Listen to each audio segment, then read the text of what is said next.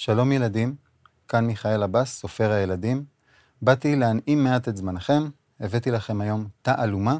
התעלומה הזו מופיעה בספר שלי, המסע אל העבר, ובמסגרת המסע שלנו היום, אנחנו נשמע תעלומה שמגיעה מסין הרחוקה. זוהי תעלומה מאוד מוכרת, יכול להיות שחלק מכם יכירו אותה, אולי תדעו את התשובה, גם אלו שלא וגם אלו שיודעים. אני מקווה שתהנו, ובהצלחה לכולם. שימו לב, היו היה מלך בסין הרחוקה. כשנטה המלך למות, הוא רצה להשאיר את ממלכתו לאחד משני בניו, אבל הוא לא ידע למי מהם לתת. אז מה הוא עשה? הוא כתב בצוואתו, שמיד עם מותו יעלו שני בניו על סוסיהם ויחלו לרכב מעיר הבירה ועד העיר השכנה, מרחק של כמאה קילומטרים. והסוס שיגיע אחרון, בעליו יזכה בממלכה. ובכן ילדים, אכן המלך נפטר בשיבה טובה, ושני בניו עלו איש איש על סוסו, והחלו לרכב מעיר הבירה ועד העיר השכנה מרחק של כמאה קילומטרים. אבל, מאחר שכל אחד מהם רצה שהסוס שלו, שהוא רכוב עליו, יגיע אחרון, הם רכבו כל כך לאט, שבמשך שבועיים חלפו להם רק עשרה מטרים. כלומר, הם סירבו ממש לזוז. זה היה בלתי נסבל.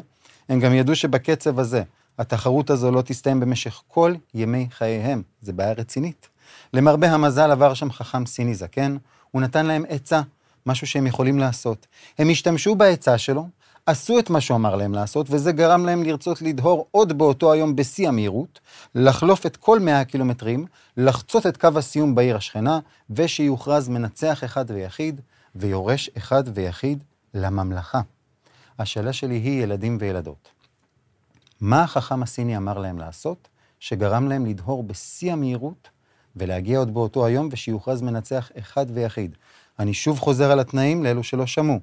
המלך כתב בצוואתו שמיד עם מותו יעלו שני בניו על סוסיהם ויחלו לרכב מעיר הבירה ועד העיר השכנה מרחק של כמאה קילומטרים, והסוס שיגיע האחרון, בעליו יזכה בממלכה. אז מה שני בני המלך עשו? בכדי שהם יוכלו לדהור בשיא המהירות, ושיוכרז מנצח אחד ויחיד לממלכה. בהצלחה. אז כתבו לי ולנו ילדים בתגובות. ונשמח לעיין בזה, והפתרון יעלה כאן בקרוב. תהנו.